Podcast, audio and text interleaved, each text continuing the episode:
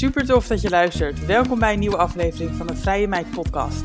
Mijn naam is Susanne van Duin en ik help jou naar een vrij leven. In deze podcast leer je meer over online ondernemen, persoonlijke ontwikkeling en financiële vrijheid. Benieuwd hoe ik je verder kan helpen? Stuur me vooral een berichtje. Veel luisterplezier vandaag.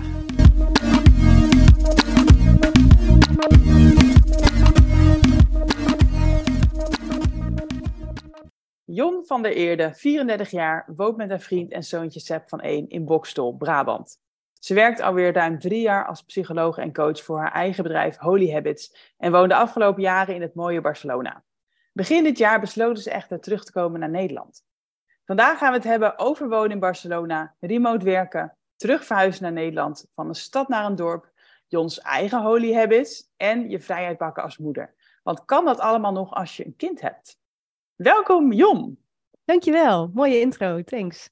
Ja, nou ja, het is jouw verhaal. Het is jouw mooie, mooie levensverhaal, een klein stukje dan. Ja, het is toch wel leuk om dan weer zo te horen. Ja, ja dat het ook wel, ja, het is ook wel gewoon bijzonder. Niet iedereen doet dit. En um, nou ja, je bent uh, in Barcelona, heb je gewoond, je hebt remote gewerkt, je hebt je eigen bedrijf opgezet. Dat zijn echt wel hele mooie stappen waarover we het vandaag uh, verder gaan hebben. Ja, leuk. Um, en ja, je leven is natuurlijk groter dan dat, maar laten we beginnen op het punt um, nou ja, dat jij toch wel in 2017 dacht, ik ga gewoon naar Barcelona en ook um, uiteindelijk voor jezelf uh, beginnen. Wat, ja, vertel. Ja, nou het was eigenlijk zo dat ik hele lange tijd werkte ik in de, ja, in de corporate wereld en ik had altijd een beetje een gevoel van ik pas hier niet helemaal.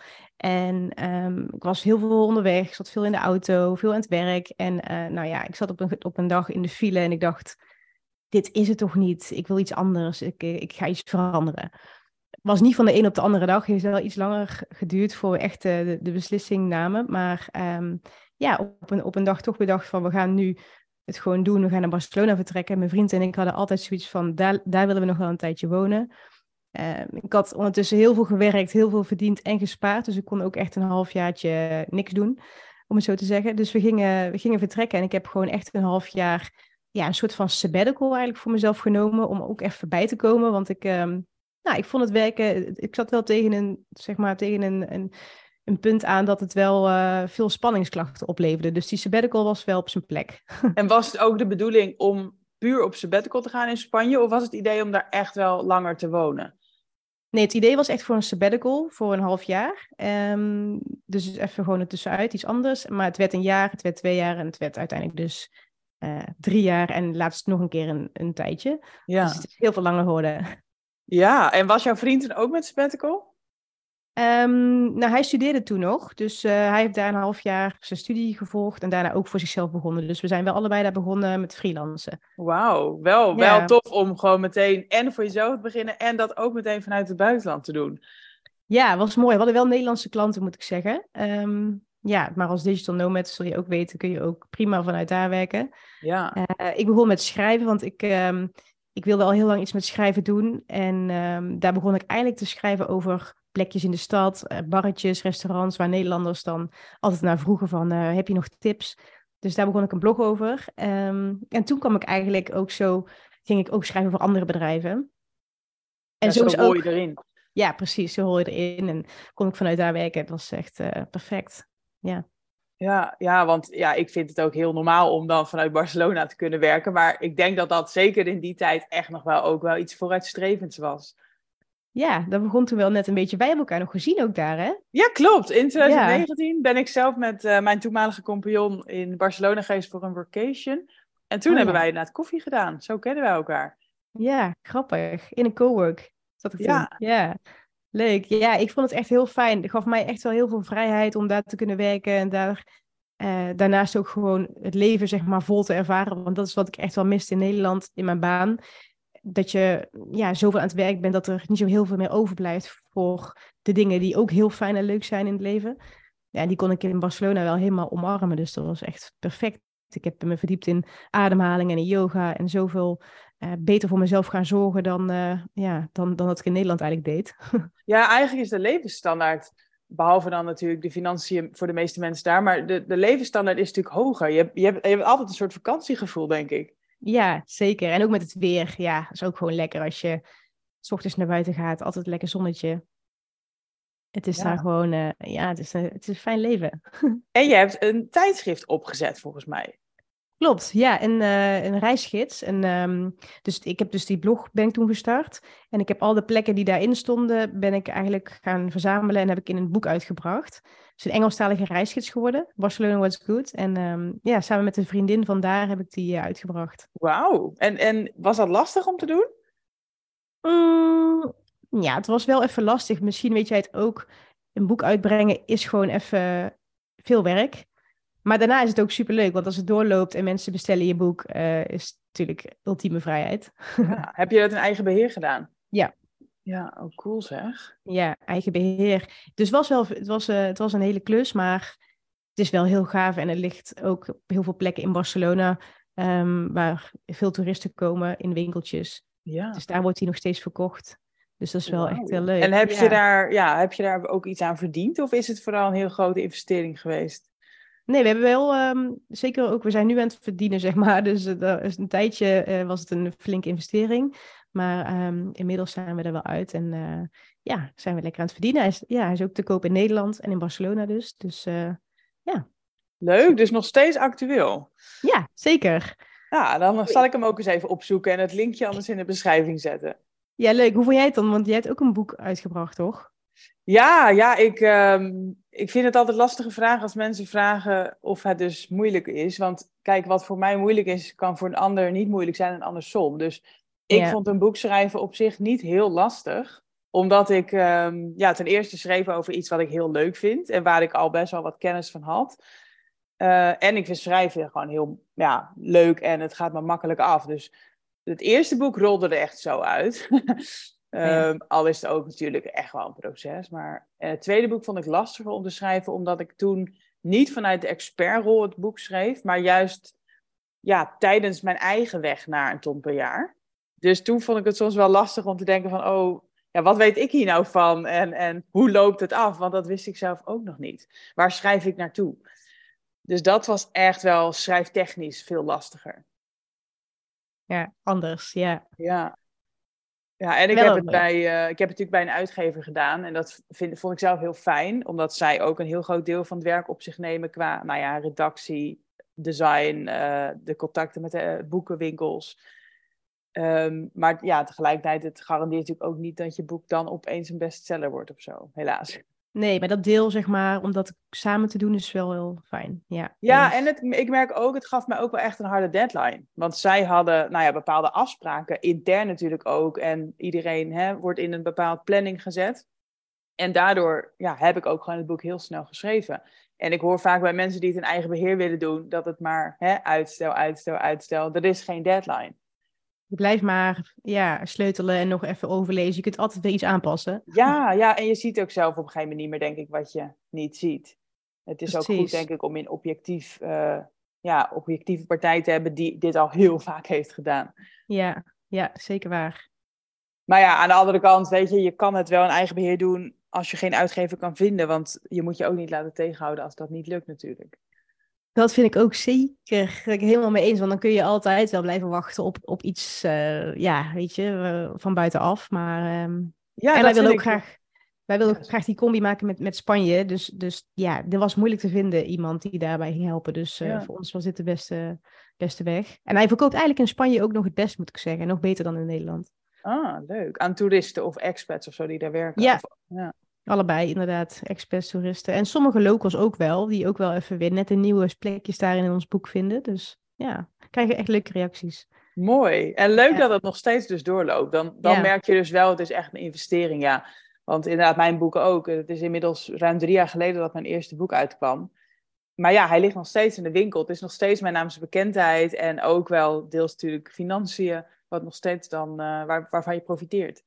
Ja, als je het dan hebt over vrijheid, dan is dat wel echt een mooie. Ja, Echt passief inkomen nu. ja zeker. Oh, leuk. Ehm, wat wilde ik vragen? Ja, nee, op een gegeven moment heb jij de switch gemaakt toen van content creator eigenlijk meer naar coach. Ja, Ehm, waar, ja, van waar kwam deze omslag en, en hoe heb je dat aangepakt? nou het is zo, ehm, als ik echt mezelf goed aankijk, dan ben ik altijd psycholoog en coach geweest. Eh, maar was de contentcreatie meer een hoofdstuk vanuit ehm, naar Barcelona, digital nomad en lekker daar zijn. Uh, dus dat was eigenlijk even een uitstapje, om het zo te zeggen. Um, ik heb psychologie gestudeerd ook, dus uh, ik wist altijd dat ik daarin verder zou gaan. dat was in Spanje voor mij niet helemaal mogelijk, maar... Um, Hoezo niet? Nou, ik coach toch het liefst Nederlandse vrouwen. en ik geef wel ook echt een voorkeur aan live. Mhm. live sessies met de, de methode die ik zo uh, toepas. Dus um, daarom heb ik er wel bewust voor gekozen om toen we naar Nederland gingen, daar wel weer mee in de slag te gaan, omdat dat is wat ik het allerliefste doe. Ah. En live sessies ook mijn voorkeur hebben. Ja, dus die verhuizing terug naar Nederland was in 2020 ook wel vanwege het coachstuk? Ja, zeker. Ah. Ja, ik wilde daar heel graag in verder. En uiteindelijk zou het natuurlijk mooi zijn als, er nog een, als ik nog een combi weet te maken dat, we, dat ik dit kan blijven doen. En in het buitenland, dat is eigenlijk wel ultiem voor mij. Mhm. Eh, maar voor nu was het echt de investering om in Nederland daar, dat op te gaan zetten. En uh, live vrouwen te coachen, workshops te geven. En hier ook met mijn doelgroep echt in contact te staan. Ja. Omdat ik vind dat mijn methode gewoon het allerbeste werkt als ik de vrouwen uh, ja, één op één kan zien. Ja. En dat vond je vriend ook leuk om weer terug te verhuizen? Ja, zeker. Hij, had ook, uh, hij werkt ook voor zichzelf. En um, um, ja, dus hij vond het ook zeker een goed idee. Ook, het was daar heel fijn qua leven en, en uh, Digital Nomad Life. Uh, en op een gegeven moment voelden we ook allebei wel weer van... naar Nederland is voor nu de beste stap. we hebben heel veel gewisseld qua woningen, qua huizen, qua steden. En nu zitten we wel neer op een iets, in een iets vaster ritme, moet ik zeggen. En het bevalt ook heel goed. Mm Um, maar, en dat maakt ook wel dat we allebei een basis voelen, zeg maar, om ook echt ons bedrijf weer net een stapje verder te brengen. Want in Barcelona waren we altijd van cafeetje naar cafeetje, wat voor toen ook hartstikke leuk uh, was. Maar we voelden allebei dat we wel toe waren aan meer opbouwen. En dat uh, is voor ons voor nu in Nederland.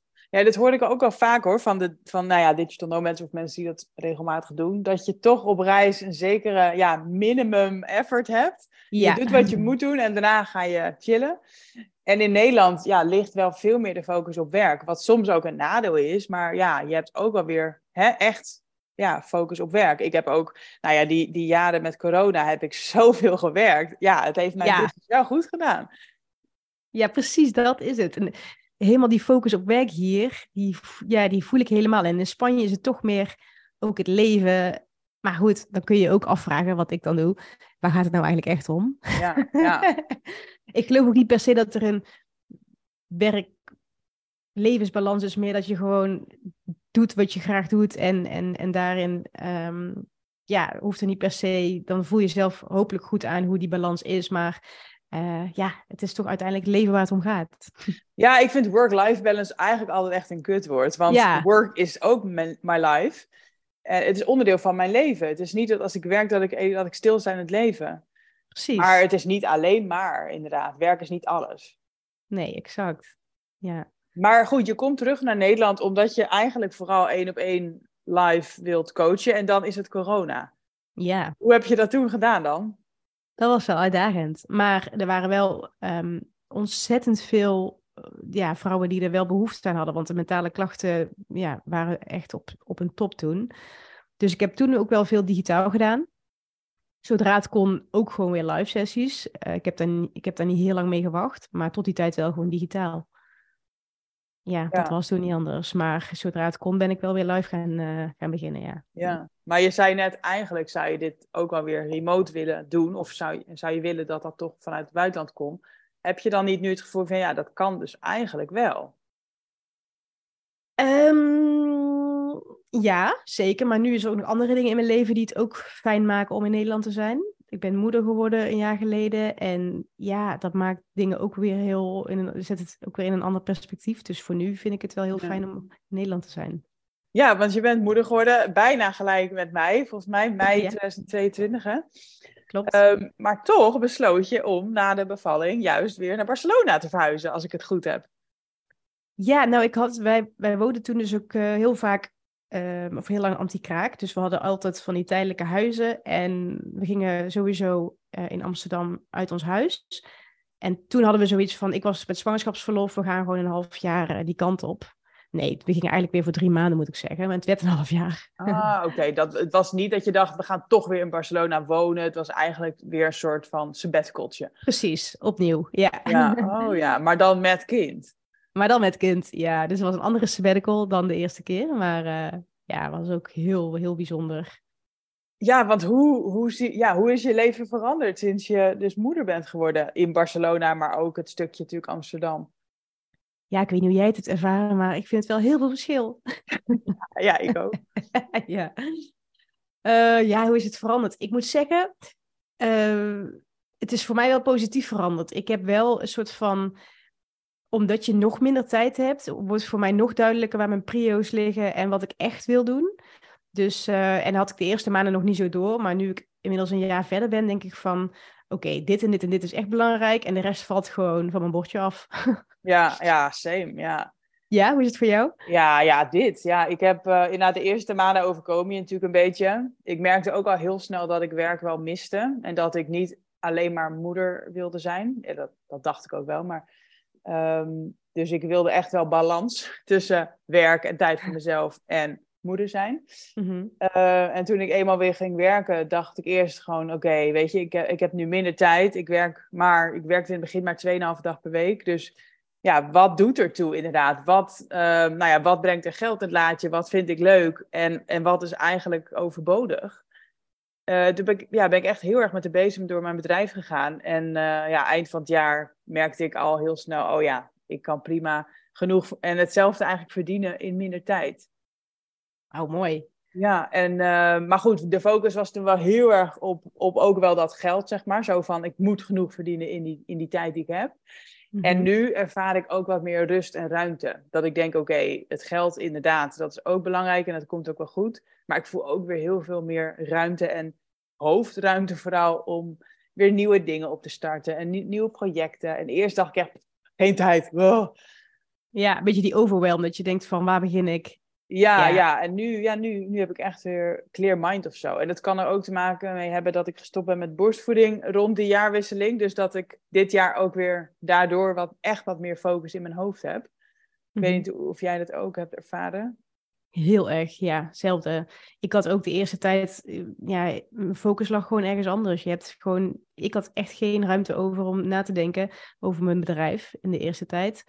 En um, wat ik ook wel heb gemerkt is in mijn werk dat ik dan vrouwen coach, die komen, die komen met iets waar zij zelf ook mee strukkelen in het leven of wat er dwars zit. Maar om die vrouwen goed te begeleiden, is het voor mij heel belangrijk dat ik zelf een soort van leeg ben. Of leeg klinkt gek, maar dat ik open sta om ze helemaal uh, mee te kunnen nemen in het proces. En die ruimte voelde ik de eerste tijd helemaal niet. Dus ik heb ook, ik ben eigenlijk pas begin dit jaar weer begonnen met één op één coaching. Ja, oh ja. Dus ja, ik snap het hoor. Ja. Ja, dat je inderdaad denkt van ja, wie, wie ben ik nou om anderen nu te helpen terwijl ik zelf amper mijn hoofd boven water kan houden. Precies dat, echt helemaal. Ja, ja. Die, die, ja, die had ik ook helemaal te pakken. Maar heb jij ook lang verlof genomen? Dus de tijd dat je in Barcelona was, uiteindelijk een half jaar, was dat ook echt dus nog vrij? Ik ben daar weer begonnen met het oppakken van werk. Dus ik ben daar begonnen in, ik denk in november. Sepp is daar ook voor het eerst naar een kinderdagverblijf geweest. Oh, in, uh, ja. Dus ik ben daarmee begonnen rustig aan. Um, ja, ik denk in november. Een beetje achter de schermen dingen. En toen begin dit jaar weer met, echt met coaching. Ja, ja. Jeetje, want hoe, uh, ja, hoe anders was het om ook in Barcelona te zijn met opeens een kind? Ik bedoel, bijvoorbeeld even heel praktisch. Ze eten allemaal laat. Hoe gaat dat dan? Um, nou, ik had natuurlijk nog niet echt een idee van hoe het in Nederland ging met kind. Dus voor mij, we gingen na drie maanden daar en toen was het voornamelijk nog, uh, nog melk voor um, maar ik vond het wel uh, een hele bijzondere ervaring. Het was wel heel anders. Kijk, je bent continu aan het plannen en uh, wie blijft thuis en wie is weg. Maar we hadden echt een heel fijn plekje bij een vriendin. Zij, we mochten bij haar komen wonen. Ze heeft een heel een groot appartement en een plek over voor ons. Dus was meteen ook heel fijn. We kwamen in een warm badje terecht. Um, en met laat eten, ja, het is wel, wel allemaal iets later. Ook kinderopvang gaat gewoon, gaat later van start. Um, je, je komt hem ook laten ophalen. Uh, het eten gaat later. Je ziet ook in Nederland dacht ik, oké, hij zou nu misschien lang eh, op bed liggen. En daar is nog iedereen buiten aan het spelen. Dus het was Ja. wel grappig. Die verschillen zijn er gewoon. Maar... Ja, maar dat vind ik ook mooi, want kinderen zijn uiteindelijk ook een soort product van de maatschappij. En als ze daar wonen, blijkbaar is het dan, hè, kunnen ze dan wel laat naar bed, zeg maar. Het, Ja. is, het is ook net wat je ze aanleert. Echt, helemaal. Ja, en dan gaan ze allemaal later. Het is nog hartstikke zonnig buiten. Iedereen speelt buiten. Ja. Ja. Maar ook met Dan- eten, weet je. Het is, daar hebben ze natuurlijk weer andere eetgewoontes. Kijk, wij, hè, die, wij denken hier van, oh, je kind moet hier eh, twee glazen melk per dag en een boterham met kaas. Maar dat eten ze daar ook niet. En ze worden Nee. daar ook groot. ja, dat is mooi gezegd. Daar eten ze gewoon paella en patatas bravas. Ja, en dan komt het ook goed. Ja, is grappig, maar dat is wel echt een verschil. Nee, wij- dat is natuurlijk een grapje, want dat eten ze echt niet als ze zo klein zijn. Maar ja, je snapt het idee. En eh, nou ja, kinderopvang dus. Eh, hoe, ja, hoe zagen jullie weken eruit? Hoe verdeel jij het met je vriend en inderdaad de opvang en werken en vrije? Ehm, ja, ik werk nu drie dagen. En eh, soms vier, soms drie. En Bart werkt vijf dagen. Maar omdat we allebei voor onszelf werken, zijn we wel echt super flexibel. En ik heb wel gemerkt dat het daardoor wel iets makkelijker te managen is. Ik denk wel eens van eh, terug uit mijn baan als eh, ja, dat ik gewoon echt van negen tot zes helemaal fully bezet was. Dan denk ik wel eens, hoe, hoe zou ik het eh, regelen dan? Nu kan ik af en toe gewoon ehm, ja, flexibel mijn tijd indelen. Net een uurtje minder of meer, of het wordt later. Nou, je, je weet hoe het gaat. Is fijn. Ja, ja ik, ik denk dat soms ook. Van hoe had ik dit gedaan bij mijn laatste baan in loondienst? Geen idee. Dan Nee. was ik echt burn-out, denk ik, geraakt. Want ja, ik, ik eh, heb inderdaad eigenlijk nooit, sowieso nooit voor half tien een afspraak. Terwijl ik werk thuis of op kantoor tien minuten hier vandaan. Dus ik heb echt nooit haast in de ochtend. En inderdaad, in de middag werk ik zelden na vijven. Dus Dat is ja, zo fijn. ja, gewoon van half tien tot vijf met een uur pauze. Dus ja, hoeveel uur werk je dan? Eh, wat is het? Zes uur of zo. Ja, maar ook dat, hè? Wat maakt het uit als het zeg maar voor jou en je bedrijf werkt? Ehm, wie zegt dat het dan acht uur moeten zijn? Ja, ja, nee, niemand. Ja, dat hebben we zelf bedacht. En ik probeer de laatste tijd ook echt weer meer te denken wat jij net zei. Van iets meer vakantie in je dagelijks leven toe te voegen. Van het, het is, waarom zou je de hele dag werken als je ook... Ja, het- misschien is het helemaal niet nodig. En kan je ook denken, nou, vandaag neem ik vrij en doe ik alleen wat echt nodig is. Ja, er kunnen ook vaak wel dingen wachten tot morgen. Ja, ja iets meer de manana-mentaliteit. Ja, precies. En ook met voor jezelf zorgen. Want als ik iets heb gemerkt in die. eh, ik, had, ik had vroeger, zeg maar, uren de tijd voor lekker sporten en mediteren. En dus daar heb ik nu ook weer mijn balans in moeten vinden. En dan denk ik ook wel eens van ja. ehm, de tijd dat ik dan ehm, werk op een dag, als ik het eerste half uur al besteed aan iets voor mezelf, eh, kan zijn sporten, kan zijn ademhalingsoefening, dan weet ik gewoon dat de rest van mijn dag er heel veel beter van wordt. En daar heb ik wel echt ja, van gemerkt dat er gewoon, als je jezelf goed voelt, dan gaat ook je bedrijf en je familie en alles gaat eigenlijk beter. Dus dat zeg maar op één zetten voor het eerste half uur, heeft mij wel echt ook goed gedaan. Ja, en heb je dat vanaf het begin gedaan sinds je moeder bent? Nee, nee. Ik denk pas ehm, wanneer dat met je terug is gekomen. Want het is natuurlijk wel waar ik ook vrouwen in begeleid. Om vaker die momenten voor zichzelf te pakken. En ze ehm, ja, te laten inzien dat die tijd er ook kan zijn als je hem zelf creëert. Dus, maar ik was hem zelf ook even kwijt. Dus ik had het eerste half jaar denk ik daar niet per se eh, eh, ruimte voor. Maar daarna is het wel weer teruggekomen. Ja, ja ik vind het ook echt zoeken. Want mensen zeiden tegen mij veel eh, toen ik zwanger was van... Oh, ehm, nou, hoe ga je dat doen met reizen straks? En hé, dat is dan Ja. wel voorbij. En dan dacht ik echt, nou, reizen kan echt prima nog met een kind. Dat is niet het probleem. Ik vind het aller, allerlastigste inderdaad die tijd voor jezelf. Die, voor, ik sportte voorheen ook drie, vier keer in de week... zonder eigenlijk erbij na te denken over de planning... Ehm, inderdaad, een, even rustig eh, nog mee even mediteren of weet ik veel, met je vriendinnen even wat doen. Dat zijn de dingen die lastig zijn nu. Alles is nu opeens een afspraak. En, en alles is in overleg met je partner. En dat vind ik super lastig, want ik hou helemaal niet van dingen moeten overleggen met mijn partner. oh ja, dat is wel echt een, een hele andere planning hè? Ja, je bent continu gewoon voor elkaar inderdaad aan het coveren. Maar ja, je moet ook tijd voor elkaar houden, vind ik. Zeker, heel belangrijk. Ja, wij gaan soms echt gewoon op zondagavond zitten. En dan gaan we kijken wie wanneer in de week gaat sporten. Dat sowieso, want wij weten allebei dat we daar ons beter doorvoelen. Dus gaan we die altijd gewoon zorgen dat die in de agenda staat. Ja. Ehm, maar ja, het is ook wel de uitdaging ook om andere dingen allemaal te blijven doen. Dus echt ook wel een beetje planning bij nodig. Ja, en wat je zegt, weet je, je gaat ook weer heel erg kritisch naar je prioriteiten kijken. Ik ga niet meer koffietjes doen met Jan en Alleman, waarvan ik eigenlijk denk, ja, weet je, eigenlijk boeit het me ook weer niet zo erg. Ehm, je hebt gewoon een select groepje vrienden die je wel interessant vindt en daar focus je op. En uh, de rest uh, kan even wachten.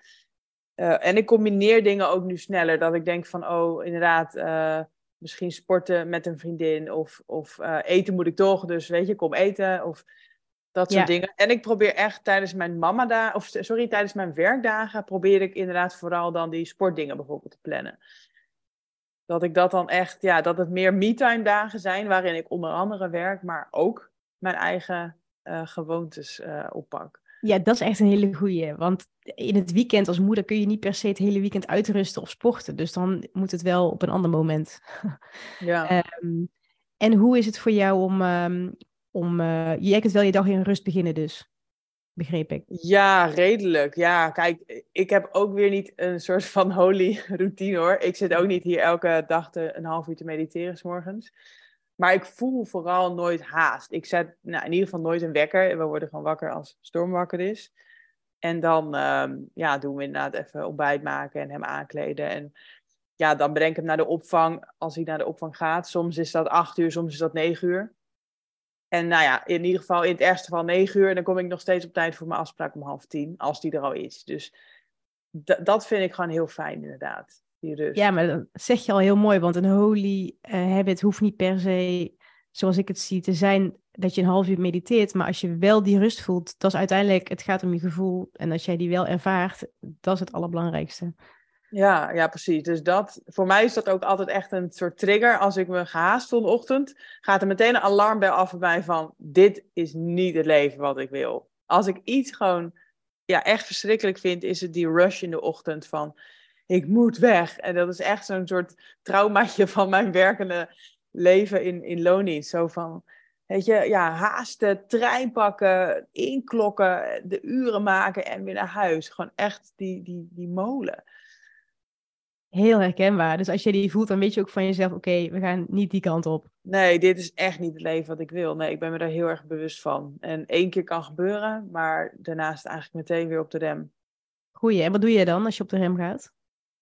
Um, nou, sowieso mezelf eigenlijk al toespreken. Dat ik denk, waarom loop je nu zo te haasten? Weet je wel? Dan loop ik soort van half rennend naar die kinderopvang. En dan denk ik, waarom?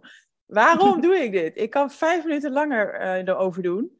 Of dan loop ik weer naar huis en dan denk ik, ja, misschien kan ik eigenlijk net zo goed nog een wandelingetje maken. Pak nog even een rondje park mee, nou, dat is 10 minuten. Dus dat soort dingen ja. probeer ik dan bijvoorbeeld te doen. Of dan uh, stap ik op de fiets naar kantoor en dan zet ik een podcast op. En dan, zet, dan heb ik bijvoorbeeld een business podcast. En dan denk ik, nee, niks ervan. Ik ga eigenlijk ook gewoon even lekker een, een mooi verhaal luisteren. Of een, een leuk interview met, met iemand over reizen of zo. Lekker, doe je goed. Ja. Ja, even jezelf weer terugzetten en dan uh, weten wat belangrijk is. Ja, dat is wel belangrijk. Ja, want wat zijn jouw eigen routines en, en gewoontes om nou ja, vrijheid te ervaren in je leven nu? Um, ja, er is eigenlijk een basis, dus uh, dat is voeding, beweging, ontspanning en ademhaling. Dat is eigenlijk mijn basis waarvan ik altijd wel prio geef. Die, ik wil gewoon dat die op orde zijn, want ik weet, als ik goed eet, voel ik me goed. Als ik sport, voel ik me goed als ik uh, ja, op mijn ademhaling kan letten en voldoende ontspanning heb, draagt er ook aan bij. En dat is eigenlijk de basis omdat het doorwerkt op alles. Dus um, ja, in mijn hele leven wordt het daar beter van. In werk, maar ook met mijn gezin. Maar ook als ik wel met vriendinnen ben, dat ik er helemaal, uh, ja, dat ik er helemaal ben. Dus dat is eigenlijk de basis. Ik moet eerlijk zeggen, die zit er inmiddels wel bij mij heel standaard in. Dus daar maak ik wel echt ruimte voor. Maar natuurlijk is er ook wel eens een dag dat het even uh, een pannenkoek wordt. Of, uh, uh, nou ja, je snapt wat ik bedoel. Dat het gewoon net even anders ja. loopt. En dat je besluit van, nou, het hoeft ook niet perfect natuurlijk. Nee, het um, moet ook weer geen druk geven eigenlijk. Van, ik moet gezond eten, ik moet zoveel sporten, ik moet dit. Nee. Nee, want dat geeft ook weer stress. Dus, ja. Maar het is inmiddels wel meer een leefstijl geworden, denk ik, bij mezelf. Dus daardoor um, is die druk er wel van af en zit het er wel ingebakken. Um, en verder probeer ik wel om in ieder geval iedere week iets te doen voor mezelf waarvan ik weet, dat geeft me ontspanning, plezier, rust. Um, dus dat is ook wel gewoon een hele belangrijke. En gelukkig Wat zijn het dan bijvoorbeeld? Um, nou, uh, een keertje helemaal in mijn eentje gaan wandelen voor een uur. Vind ik fijn. Of uh, het kan ook zijn naar de stad. We wonen nu in een dorp. Ik haal toch ook wel altijd veel inspiratie uit de stad. Dus ik vind het ook wel eens lekker om gewoon even de stad in te gaan. Uh, daar naar een co bijvoorbeeld te gaan om weer andere mensen te ontmoeten. Dat is ook wel waar ik veel energie uit haal. En um, nou, ik vind het ook wel heel lekker om eens een dagje naar de sauna te gaan. Die zit er niet altijd in, maar dat geeft me wel ook heel veel ontspanning. En die dingen moeten gewoon als, uh, ja, die moeten gewoon wel worden ingepland. Dus uh, daar zorg ik, probeer ik zoveel mogelijk voor te zorgen. En uh, nou ja, mijn werk geeft me in die zin ook wel ontspanning. Ik vind mijn werk echt geweldig. Dus als ik aan het werk ben, dan is het niet per se dat ik daar heel veel stress van ervaar. Nee, ja, maar fijn. Ja. Want hoe, inderdaad, je, je bent nu dus psycholoog en coach om, hè, voor je eigen bedrijf Holy Habits. Wat, wat doe je allemaal? Zijn het één op één sessies, trajecten, los? Uh, wat, wat, heb je voor aanbod? Um, ja, ik doe uh, één op één sessies in de drie maanden trajecten. Dus uh, die, er zijn vaak vrouwen die op een tweesplitsing staan en denken: oké, ik wil iets anders, maar hoe ga ik hier, hoe ga ik er doorheen? Dus drie maanden trajecten. En dan heb ik mijn workshops. Ik werk heel veel met ademhaling. Dus in mijn workshops dan um, is het meestal ongeveer twee uurtjes komen we, komen we met z'n allen samen. Een hele mooie locatie om lekker te ontspannen en te ademen. En de methode die heb ik nu ook in mijn, uh, mijn allereerste retreat. Uh, die komt in september in Barcelona. Dus die heb ik ook de sabbatical genoemd. Want ik heb natuurlijk zelf toen een sabbatical gehad. En elke keer weer heeft het me zo goed gedaan. Dus ik heb alles, alles wat ik heb geleerd daar, maar ook als psycholoog en coach, heb ik, um, ja, heb ik eigenlijk samengebracht in een supermooi programma. Dus uh, dat is mijn nieuwste aanbod. Leuk. In, dus een ja, mini sabbatical eigenlijk in Barcelona. Klopt. Voor dezelfde doelgroep. Ja, inderdaad. Dus dat is inderdaad een mini sabbatical voor degene die denken, oké, ik moet echt ook even die rust pakken. En um, ja, daarom heb ik het ook uh, besloten om het in Spanje te doen. Ook vanwege die rust en vanwege die, nou ja, die, die warme temperaturen en gewoon de ontspanning die het daar al brengt. Wanneer is het? Het is eind september, hè? Ik had al gekeken namelijk. Oh, leuk. Nou, 27 september tot en met 1 oktober. Oh ja. Ja, ik ben dan, uh, ben dan op vakantie. Oh, dat is ook lekker. Ook een sabbatical. Nou ja, met, met kind op vakantie is natuurlijk geen sabbatical. Nee, dat heb ik ook ervaren. ja. Reizen kan nog wel, maar het is inderdaad wel even anders. Oh, maar lekker. Waar ga je naartoe? Uh, Zuid-Portugal. Oh, dat is ook fijn. Ja, ja ook echt wel gewoon uh, lekker een huisje vlak bij het strand en vlak bij restaurantjes. Dus echt gewoon, we hoeven helemaal niks behalve uh, chillen en eten en een beetje rondlo rondlopen. Ja, fijn. En je gaat ook dus buiten het seizoen, zeg maar. Ja, ja ik, ga, ik ga eigenlijk nooit in de zomervakantie weg. Mensen vragen altijd van, oh, ga je nog weg? En dan zeg ik nee. En dan zijn ze soort van helemaal verrast. Maar dan denk ik, ja, maar de rest van het jaar ga ik zeg maar boven gemiddeld weg. Maar nu is het juist ook lekker in Nederland. Lekker warm. Ja, daarom. Ja, ik vermaak me wel in, in de zomer gewoon. Ja, ik heb nu een tuintje ook. Ik, uh, ik ben in 2020 ook verhuisd van een appartement naar een huisje met tuin. Dus ja, dat kan, daar kan ik echt van genieten ook. Ja, hoe vind je dat? Of is het nog wel in Utrecht? Ja, ja wel in Utrecht, ja. Maar wel, um, ja, überhaupt doordat het al een huis is op de begane grond, zeg maar, en een tuin, ja, ervaar ik al veel meer, ja, dat ik makkelijker naar buiten ga en dat ik meer, ja, makkelijker ook naar het park ga, is ook dichterbij. Of even langs de vecht, dat is ook hier tien minuten vandaan. Um, en dat was echt heel anders in het appartement waar we niet eens een balkon hadden. Hm. Want jij bent dus niet meer in Amsterdam, maar verhuisd naar Brabant, naar een dorp. Ja, dorpje, dorp. Van waar die, die keuze en, en hoe bevalt dat nu? Um, nou, ik wist misschien altijd al wel dat we hier weer een tijdje zouden gaan wonen. Zeker met, eh, met onze kleine schep nu. We hebben hier heel veel vrienden en familie allebei. Dus dat is wel ook heel erg fijn en gezellig. En de rust en ruimte. Ik vond Amsterdam en Barcelona allebei geweldig. Maar ik kan ook echt wel genieten van de rust en de ruimte hier en het groen om me heen en de vogeltjes fluiten. Ja, ik vind het. Ik, ja, ik ben ook hartstikke fan natuurlijk van natuur, maar ik vind het soms ook weer lastig dat je niet even ergens lekker een havercappuccino kan halen. Of lekker kan. Ja, dat er de horeca is altijd toch wel echt beter in de stad. En inderdaad, mijn coworking vind ik echt geweldig. Die zou ik ook echt missen als ik dan uh, ja, alleen maar thuis bijvoorbeeld zou moeten werken of zo. Dat vind ik nog echt wel een afweging. Snap ik. Is ook wel, uh, dat zijn ook wel de dingen precies die jij noemt, die ik ook wel heel erg leuk vind aan de stad. Geeft ook wel op een bepaalde manier ook weer een soort van inspiratie. Maar ik denk dat het zo altijd is van, ja, zonder ontspanning geen inspanning, zonder natuur geen stad. Het is altijd een beetje, ja, een beetje van beide. En als je die, als je die kunt vinden voor jezelf, waar je dan ook bent, dan, dan denk ik dat je een fijne balans kunt vinden. Ja, ja, en Nederland is natuurlijk klein. Hè? Ik bedoel, als je in een dorp woont, kan je op zich best wel snel in een stad zijn. En andersom, vanuit de stad kan je altijd snel in de natuur zijn.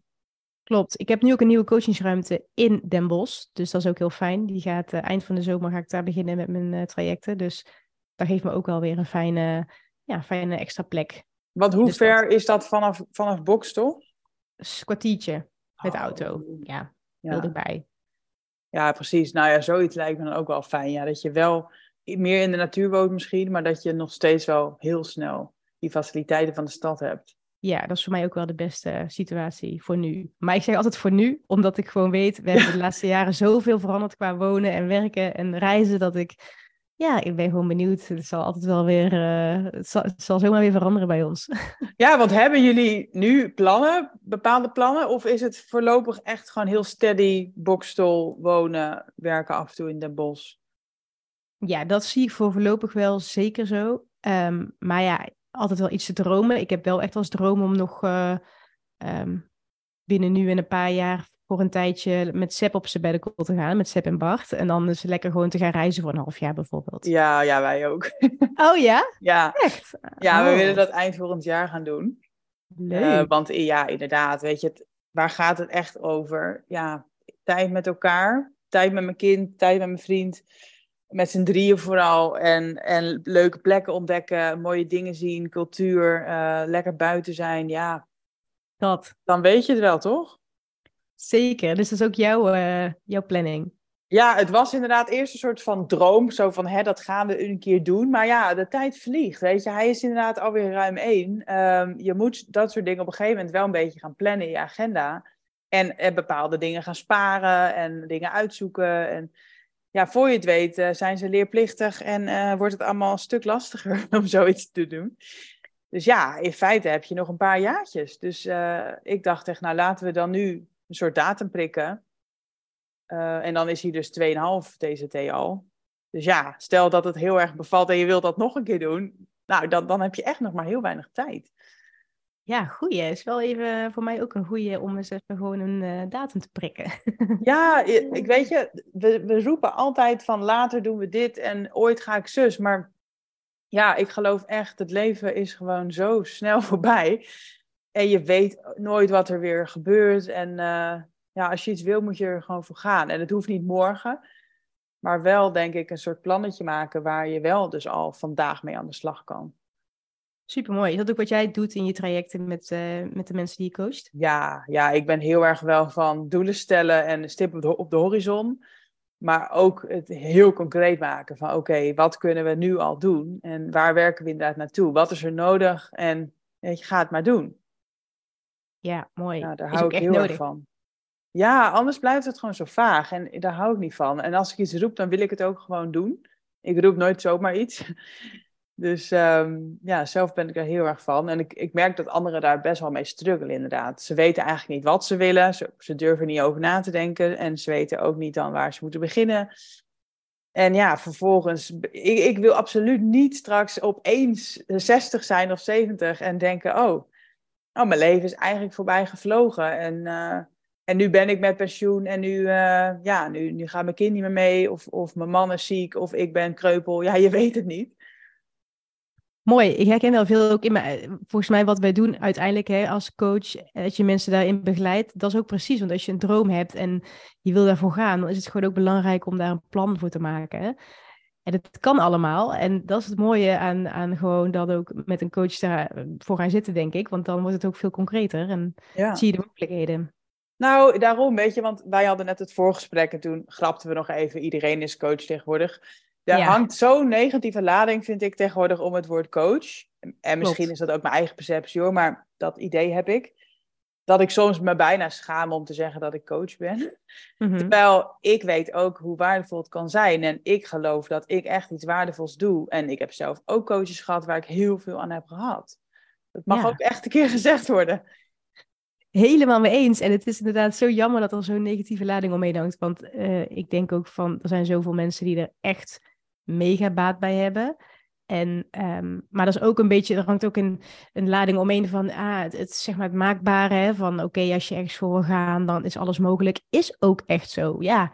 Ehm, ik hoop dat veel meer mensen ook gaan zien dat ze de mogelijkheid hebben om hun leven zo een kant op de regie te pakken en zelf te gaan doen Ja. wat ze belangrijk vinden. Het is zonde wat je, precies wat jij zegt, om het te, te laten voorbij flitsen. Zo voelde ik het in ieder geval toen ik in mijn baan zat. Van Ja. dit kan het toch niet zijn, weet je wel. Er is echt wel meer. En ik wil een beetje voorkomen dat iedereen steeds maar denkt dat het anders of meer moet zijn. Maar als je een gevoel hebt dat je iets wil veranderen, dan go for it. Precies, ik wil helemaal niemand opdringen om ook eh, mijn leven te kopiëren of zo. Maar het gaat er inderdaad om, ja, ben je je bewust van je leven en maak je bewust keuzes. En als je helemaal content bent, ook goed. Maar als jij het gevoel hebt dat er hè, toch iets kriebelt en dat het anders mag, ja, ga er alsjeblieft mee aan de slag. Ja, precies. En het is zonde om dan eh, ja, te blijven hangen in gedachten dat het misschien niet voor jou zou zijn, bijvoorbeeld. Ja, ja want ik, ik eh, ben het met je eens. Kijk, het leven is niet maakbaar in de zin. Je hebt niet alles in de hand en je kan niet alles worden wat je wil. Ik kan niet nu nog profvoetballer worden, denk ik. Maar weet je, heel veel is wel mogelijk. En anders kan je het altijd proberen. En, en dan eindig je ergens in het midden en dan is het ook goed. Daar eh, ben ik wel echt voorstander van. Ja, dat is wel echt mooi gezegd. Dat is, dat is echt zo waar. En het zou zo mooi zijn als dat nog veel meer mensen zijn inzien. Dus daarom, ja, ik denk dat we geweldig werk doen als coach. Ja, maar en, en tegelijkertijd heb ik zelf ook nog steeds wel eens die momenten dat ik denk van, oh, ik heb even niet meer. Ik heb het gevoel dat ik zelf ook weer even op een sneltrein zit. Want als ik nu dus terugblik op afgelopen jaar, dan denk ik soms ook van, hè, weet je wat, is het hard gegaan? Mijn kind is alweer één en wat heb ik allemaal gedaan of zo? Het, huh, het jaar is voorbij. En misschien zijn het ook de hormonen geweest, dat het een beetje blurry is.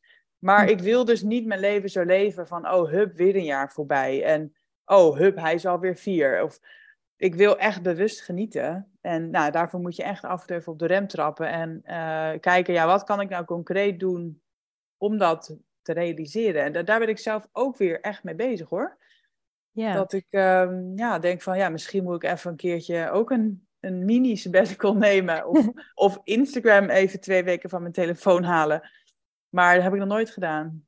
nee, en zo, het kan zoveel opleveren wel. Even de rust, even jezelf, ja, even aan de zijlijn zetten en eens kijken wat wil ik, welke kant wil ik op. En, en, en eh, ja, aandacht besteden aan de basis, zeg maar. Hè? Goed voor jezelf zorgen, eh, goed bewegen, voeding. Daarom vind ik het ook zo mooi om dat wel te doen in een soort van eh, ja, tijd voor jezelf. is gewoon echt super belangrijk daarin.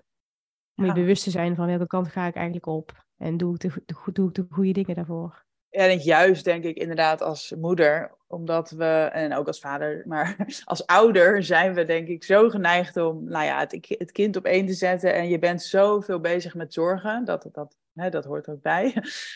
Maar ja, niet ten koste van jezelf. Je moet niet jezelf wegcijferen en nooit meer iets voor jezelf doen, want daar heeft uiteindelijk het kind ook niks aan. Nee, precies. Makkelijker gezegd dan gedaan, maar het is wel super belangrijk om jezelf op één te houden, ja. En ik denk ook dat het dus met je partner samen heel belangrijk is dat je daar gesprekken over houdt. Want je moet dus el- elkaar wat blijven gunnen, zodat je uiteindelijk daar ook allebei weer van profiteert.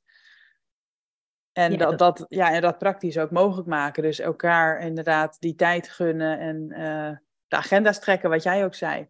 Ja, precies. En hoe doen jullie dat ook eh, ja, met elkaar? Zeg maar, heb je nog ooit date nights of dat soort dingen? Ja, we hebben het begin van het jaar inderdaad echt een doel gesteld van, nou laten we elke maand in ieder geval een date night hebben. Dus in januari hadden we eh, een oppas geregeld, in februari ook.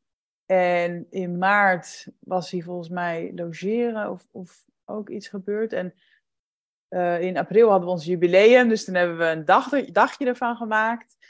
En in mei is hij erbij ingeschoten, maar toen hebben we 1 juni, dus net, net eh, één dag te laat, hebben we wel even een dagje naar het strand gegaan. En toen was Storm wel mee, dus eigenlijk was het niet echt een date night, maar, maar wel zeg maar echt een uitje. En echt even gewoon bewust weer samen zijn. En volgend weekend, als ik het goed heb, gaan we een nachtje weg samen. Dus dat is ook alweer even geleden. Dus we proberen echt wel daar dus een ritme in te hebben. Want ja, voor je het weet, zijn er dus weer maanden voorbij als je er niet uh, scherp op bent. Ja, precies. Dat denk ik ook. Heb jij dat ook? ja, helemaal. En wij hebben in Barcelona wel, uh, ja, zijn we er vaker op uitgegaan. Ik moet zeggen, sinds we in Nederland zijn, is het er een klein beetje bij ingeschoten. En we zijn ook verhuisd. En heel veel andere randzaken die heel moesten worden met het hier weer komen wonen.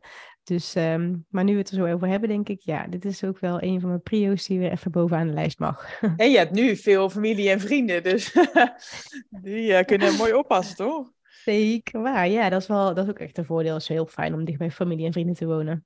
Ja, ja, ja. maar inderdaad, het, eh, of het nou gaat over werk of over me-time of over iets met je partner doen, een beetje pak die agenda en, en blok. Ja, want maar ook al, ja. gaat het niet vanzelf. Precies dat. Maar ook, en ook als het gaat over je droomleven of over eigenlijk welke kant je op wil. En, eh, of, of een bedrijf uh, opzetten of voor jezelf beginnen als freelancer. Ja, ook. Daar is ook een planning voor nodig. Ja, en het klinkt soms weer zo belemmerend. Hè? Want laatst had ik het er ook met iemand over die zei tegen mij van...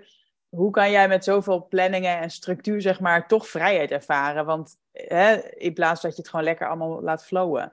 En toen dacht ik, hè, nee, die planning en die structuur, die geeft mij juist vrijheid. daardoor voel ik juist ruimte. Maar hè, dat kan natuurlijk doorslaan als jij inderdaad de hele dag geleefd wordt door to-do-lijstjes. Maar voor mij is het meer kaders en, en blokken dan dat me benauwt uh, wat ik moet doen. Ja, ik denk ook echt dat een planning wel vrijheid geeft, juist. En um, ja, dat is het allerbelangrijkste. Want als je wel, als je niet weet wat je aan het doen bent, is voor mij ook niet altijd zo geweest in mijn bedrijf. Maar sinds ik precies weet wat er te doen staat, weet je ook welke tijd er over is eigenlijk voor andere dingen. Ja. Ik denk dat er wel een belangrijk punt is in je bedrijf en in je leven. Ja, ja, echt hè. Ja, nou, misschien is dit ook een mooie afsluiting, deze inspirerende woorden van ons. Ja. um, als mensen jou willen volgen of ze hebben misschien ook interesse in jouw trajecten of workshops of retreat, waar kunnen ze jou volgen? Je kunt me volgen op uh, holyhabits.nl. Holy is met H-O-L-I. En op Instagram op, uh, ook op Holy Habits of op mijn naam Jon van der Eerde. En um, ja, retreats, uh, plekjes zijn er nog een paar. Dus uh, superleuk als mensen besluiten om daar meer over te weten. Ja, het klonk in ieder geval super. Ik, ik ga al op vakantie, anders had ik het denk ik echt overwogen serieus. Um, lekker naar Barcelona met gelijkgestemden. En uh, nou ja, ook denk veel ademhalingsoefeningen en uh, dat soort dingen. Klopt, ja, echt een combi van ontspanning en inspanning. Dus we gaan ook echt wel actief aan de slag met waar je mee komt. Een hulpvraag of een struggle in je leven. En uh, plannen om, om, om te maken om daar zeg maar stappen in te zetten. Maar ook echt ontspanning, ademhaling, een zwembad en een sauna. Gewoon helemaal oh. lekker relaxed. Ja, dus, in, in het centrum van Barcelona of is het een soort van buitenwijk? Dus wel buiten Barcelona. Dus een half oh, uurtje buiten Barcelona in de natuur. Dus helemaal omringd door natuur. Dus uh, oh. echt buiten de stad. Ja. ja, gaaf zeg. Nou, heel veel plezier alvast. En uh, mensen weten je hopelijk te vinden. Ja, en uh, nou ja, dank voor jouw verhaal en jouw mooie woorden. Jij ook heel erg bedankt. Leuk om weer eens zo ook bij te kletsen. Top. Oké, okay, dankjewel. Dankjewel. Super bedankt voor het luisteren. Ik hoop dat deze aflevering tot inzicht heeft geleid. Laat het me weten. Ik zou het heel leuk vinden als je iets over deze podcast kan delen op social media of een review kan achterlaten. Hopelijk weer tot volgende week bij de Vrije Meid Podcast.